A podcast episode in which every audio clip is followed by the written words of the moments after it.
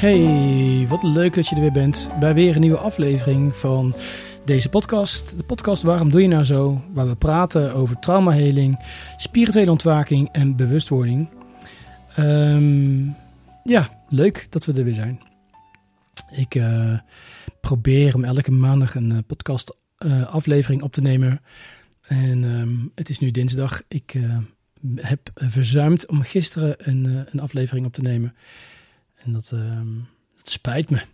Maar ik ben er vandaag. En um, normaal gesproken um, voel ik mij gemotiveerd en voel ik uh, de, de, de taak om een soort van wijsheid te delen of een inzicht. Iets waar ik de afgelopen tijd mee bezig ben geweest.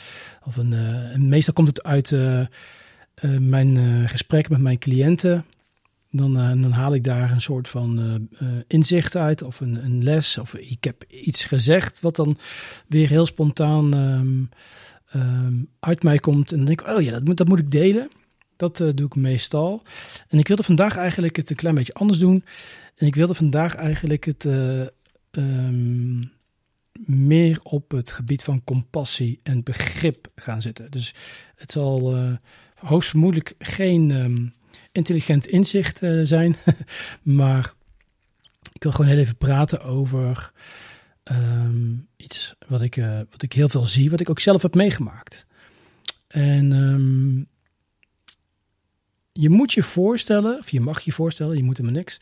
Je mag je voorstellen dat als jij elk kind, als een kind, een kind in een gezin uh, opgegroeid, opgroeit, dan heeft het in de eerste jaren, heeft het, uh, de eerste drie jaar, heeft het um, rust, authenticiteit en veiligheid nodig. En um, rust hebben we nodig om ons uh, zenuwstelsel uh, um, veilig en kalm te houden. Dat we gewoon rustig kunnen opgroeien en dat we niet helemaal onder de stress staan, et cetera. authenticiteit hebben we nodig. En authenticiteit betekent dat je helemaal jezelf mag zijn. En dat jij als je als jij eh, honger hebt en je laat het weten. Als je koud hebt, je laat het weten. Als je verdrietig bent, uh, de, dan dat je dat laat weten. Je mag er gewoon helemaal zijn. Je mag helemaal jezelf zijn. En je mag ook, en dit is een heel belangrijk stukje, je mag ook vertrouwen op je gevoel. Dus als kind zijn heb je instincten en, uh, en je krijgt later intuïtie en je krijgt een uh, onderbuikgevoel.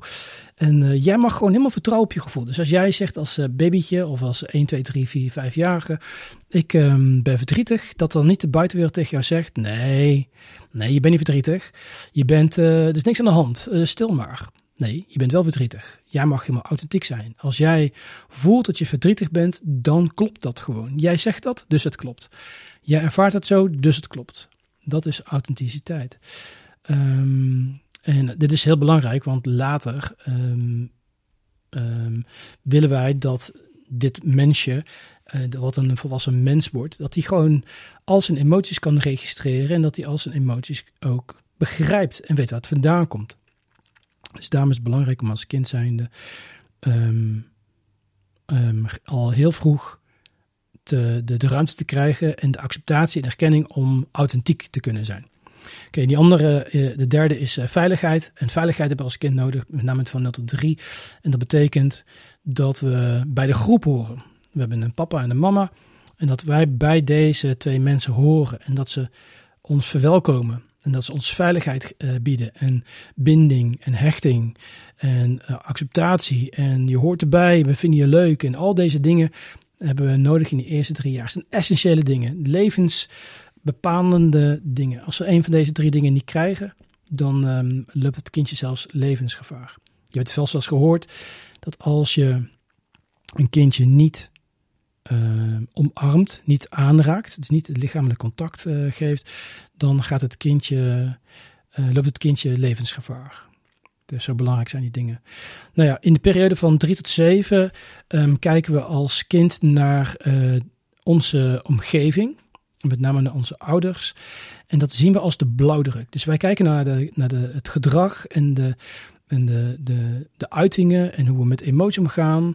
En, en, en de communicatie en de keuzes. Alles wat onze ouders doen, dat wordt onze blauwdruk.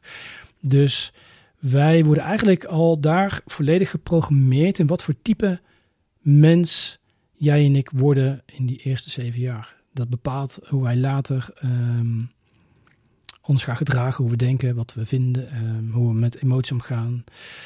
Um, en dan van zeven tot uh, uh, eigenlijk in de spirituele wereld zeggen we heel vaak dat die, die eerste zeven jaar die wordt herhaald. Dus datgene wat we dus in die eerste zeven jaar meemaken. En ik kan je op een boterbriefje meegeven, op een briefje meegeven. Iedereen eh, krijgt in die eerste zeven jaar een trauma. En een trauma is een onverwerkte emotie met een beschermlaag. We hebben allemaal in die eerste zeven jaar dat we um, bepaalde emoties meemaken. Negatieve emoties, pijnlijke emoties die te zwaar zijn, te moeilijk, te complex om te verwerken. Dat kunnen we niet als kind. Dus ons brein zegt: deze emoties sla ik op in het lichaam.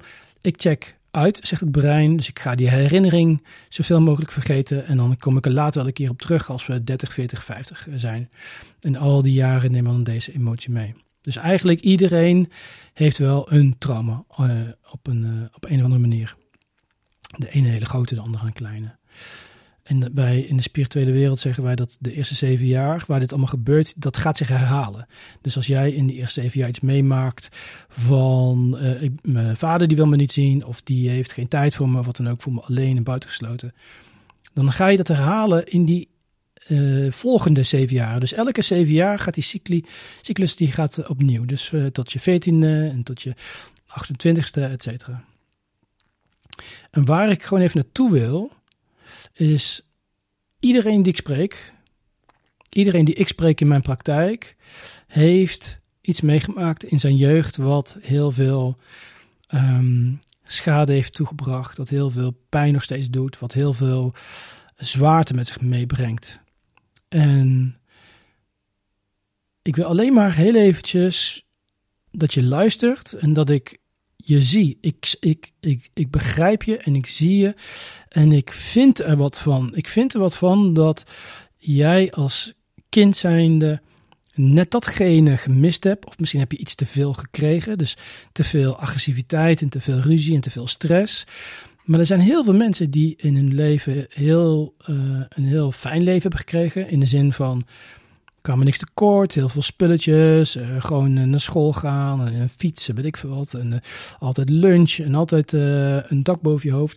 Maar wat ze dan niet gekregen hebben is dan dat ehm, je vader en je moeder je geholpen hebben met het leren, reguleren van je emoties. Of of en, kan ook allebei, dat je vader of je moeder tegen je zegt: um, Ik heb helemaal geen tijd voor je. Ik heb helemaal geen aandacht voor je. Ik vind je niet belangrijk. Um, ik ben bezig met mijn werk. Alleen lekker werk en sport. En jij bent gewoon niet zo belangrijk. Ik ga niet uh, uh, uh, gesprekken met je aan. Nee, ik ga gewoon lekker sporten en ik ga andere dingen doen. En dan denk je bij jezelf: Ja, maar weet je, mijn vader was altijd bezig. Mijn vader was altijd weg. Geen punt toch? Maar wat je eigenlijk in die eerste zeven jaar Um, uh, dat heb ik niet genoemd, maar wat je in die eerste zeven jaar doet is, je, je gaat jezelf verantwoordelijk stellen voor datgene wat dus niet gebeurt. Of wat er wel gebeurt. En we noemen dat de egocentrische fase. En een egocentrische fase is de periode waarin het kind naar de wereld kijkt en ervaart dat de wereld reageert op het kind. Dus uh, niet ik doe iets en daardoor hebben andere mensen last. Nee, ik moet uh, poepen, dus ik ga huilen en ik krijg een schone luier. Ik heb honger, dus ik ga huilen en ik krijg uh, eten of drinken. Um, ik ben op mijn knie gevallen en de wereld reageert op mij om mij te helpen. Dus de wereld reageert op het kind. En in die eerste zeven jaar um, leeft het kind in een egocentrische fase. Dus als je in die eerste zeven jaar hebt meegemaakt dat je vader of je moeder je geen aandacht gaf of te veel agressiviteit gaf. Het kind maakt zichzelf dan verantwoordelijk voor deze ervaring. Er is iets mis met mij. Ik ben niet goed genoeg. En als ik wil dat mijn vader en mijn moeder wel van mij houden, dan moet ik dus heel veel werk gaan verzetten. En dat noemen we dan emotionele um, inspanning. Dan um, blijven mijn ouders wel bij mij. Dan krijg ik wel die binding. En dus zien we dat heel veel mensen een klein beetje boven hun ouders gaan staan, of soms heel erg boven hun ouders gaan staan. En dan gaan ze zorgen voor het welzijn van hun ouders, zodat ze op die manier wel de binding krijgen met uh, hun ouders. Sommigen die gaan zich heel druk maken. Oh, mijn vader die houdt wel van mij als ik heel erg presteer. Dus ik ga heel erg veel um, uh, uh, externe veiligheid zoeken. Ga heel veel externe validatie zoeken. Ga extern presteren. Grote baan, veel geld, grote auto, huis bouwen. Kijk pap. Uh, om maar die erkenning van vader te krijgen. In die eerste zeven jaar uh, ontwikkelen wij dus de overtuiging: ik ben niet goed genoeg, want wat ik nu aan het meemaken ben, is mijn schuld, mijn verantwoordelijkheid. Dat is die egocentrische fase. En vanaf zeven jaar beginnen we uh, een empathisch vermogen te um, ontwikkelen. En eigenlijk is dan de programmering al gedaan. En het trauma van die eerste zeven jaar. Ik ben niet goed genoeg, het is mijn schuld. Dat gaat zich dan herhalen. En omdat het zich gaat herhalen van 7 naar 14, van 4, 14 naar 28, zien we dat het trauma, wat je mag zien als een gekleurde bril, en die, de kleur van, de, uh, van het glas is het trauma. Ik ben niet goed genoeg. Ik ben, het is mijn schuld. Um, ik ben onveilig. De kleur van die bril, die krijg je dus op. En zo ga je de wereld aan kijken. Zo ga je de wereld betreden en dan kijk je de wereld door dat glas. Dus je ziet alles in die buitenwereld door dat glas. En dan krijg je een vriendinnetje en dan krijg je een baan en dan krijg je weet ik veel wat. En dan ben je continu maar bang dat het weer de mist ingaat, omdat het jouw schuld is als het de mist ingaat. Dus jij bent degene die verantwoordelijk is. Um, het is allemaal jouw schuld, jij bent niet goed genoeg. En dat komt door die programmering in de eerste jaren. En dit stuk, bij iedereen die ik spreek, die heeft dit. Op een of andere manier. Linksom of rechtsom. Dit hebben we allemaal. En als ik kijk naar mijn, uh, mijn eigen privéleven en mijn omgeving, we hebben het allemaal. Dit is allemaal. En uh, heel veel mensen zullen zeggen: ja, ik heb helemaal geen trauma. En dan ben je een meester in het onderdrukken of het uh, wegmoffelen van dit trauma. En heel vaak, als we dan kijken toch naar je leven, naar je meningen, je irritaties en naar je overtuigingen, dan zien we dat ten grondslag daarvan het trauma aanwezig is. Maar wat ik wil zeggen is dat ik, ik zie je en ik snap je en ik begrijp je. En wanneer jij in een relatie zit, in die relatie loopt fucking stroef. Wanneer jij um, continu maar je bedrijf probeert op te bouwen en het lukt maar niet. Wanneer jij um, uh, je vriendin, het is een, een, een, normale vriendin is niet je partner, maar als die uh, wegvalt en je hebt daar heel veel moeite mee. En je denkt gewoon continu dat jij liefde niet waar bent of vriendschap niet waar bent. Alle vormen die je maar kan bedenken. Ik snap het zo dat je als volwassen persoon jezelf hiervoor verantwoordelijk stelt in de zin dat je niet goed genoeg bent. En dat je gaat schamen, en dat je paniekaanvallen krijgt en je angstaanvallen krijgt. En dat je bang bent dat, er, dat alles misgaat. En dat je bang bent dat het nooit goed komt. En dat je oud alleen wordt. En dat je. Ik snap al die angsten. Ik snap het zo, want ik zie het elke dag. En ik kan je nu vertellen: het is niet jouw schuld. Het is niet jouw verantwoordelijkheid.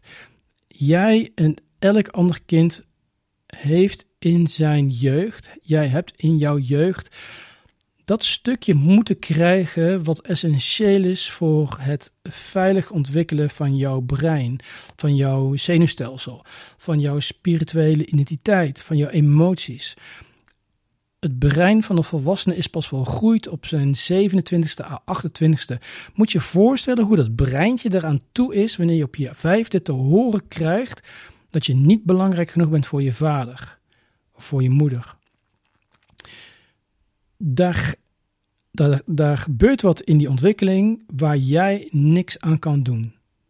En waar jij nu op volwassen leeftijd enorm veel moeite mee heb om daar mee om te gaan.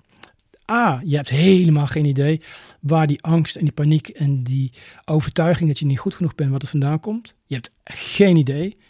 Je denkt bij jezelf, mijn leven is gewoon kut en zwaar en moeilijk en ik moet strijden en altijd maar tekort en altijd maar moeilijke relaties. Je hebt geen idee waar dat vandaan komt. En dan het leven gaan leiden is gewoon super zwaar. En niet alleen voor jou, maar ook voor je partner. En ook voor je kinderen en iedereen die om je heen zit. Want die snappen ook niet waarom jij uh, soms als een kind reageert. En dat kinderachtig reageren is omdat wij in, soms het kindsbewustzijn als persoonlijkheidskenmerk op laten komen dagen wanneer wij geraakt worden in de pijn die dat kind heeft opgedaan. Uh, Dus soms reageren wij kinderachtig, omdat we dan geraakt worden in het kindspijn. En dan komt het kindsbewustzijn naar boven en die gaat dan reageren zoals dat kind. De omgeving snapt er niks van, jij snapt er niks van. En dan kijk je naar mij, of dan kijk je in de spiegel en denk je van, hoe in hemelsnaam ga ik mijn leven weer op de rit krijgen? Dus ik wil met deze podcast zeggen dat ik je snap en dat ik je begrijp en dat het niet jouw schuld is. Er is niks mis met jou, je bent niet gebroken, je bent niet mismaakt, je bent helemaal niks mis.